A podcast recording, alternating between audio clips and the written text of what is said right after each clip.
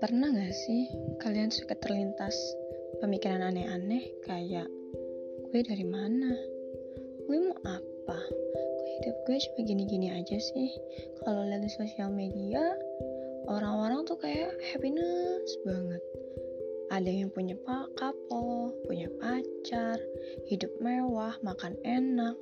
Tapi gue cuma penonton. Gue ngerasa gue biasa-biasa aja. Hmm, sebenarnya hakikat hidup itu ataupun kebahagiaan itu kayak gimana sih? Apa dengan mereka melihat contohnya atau gue yang harus berubah pola pikirnya? Hmm,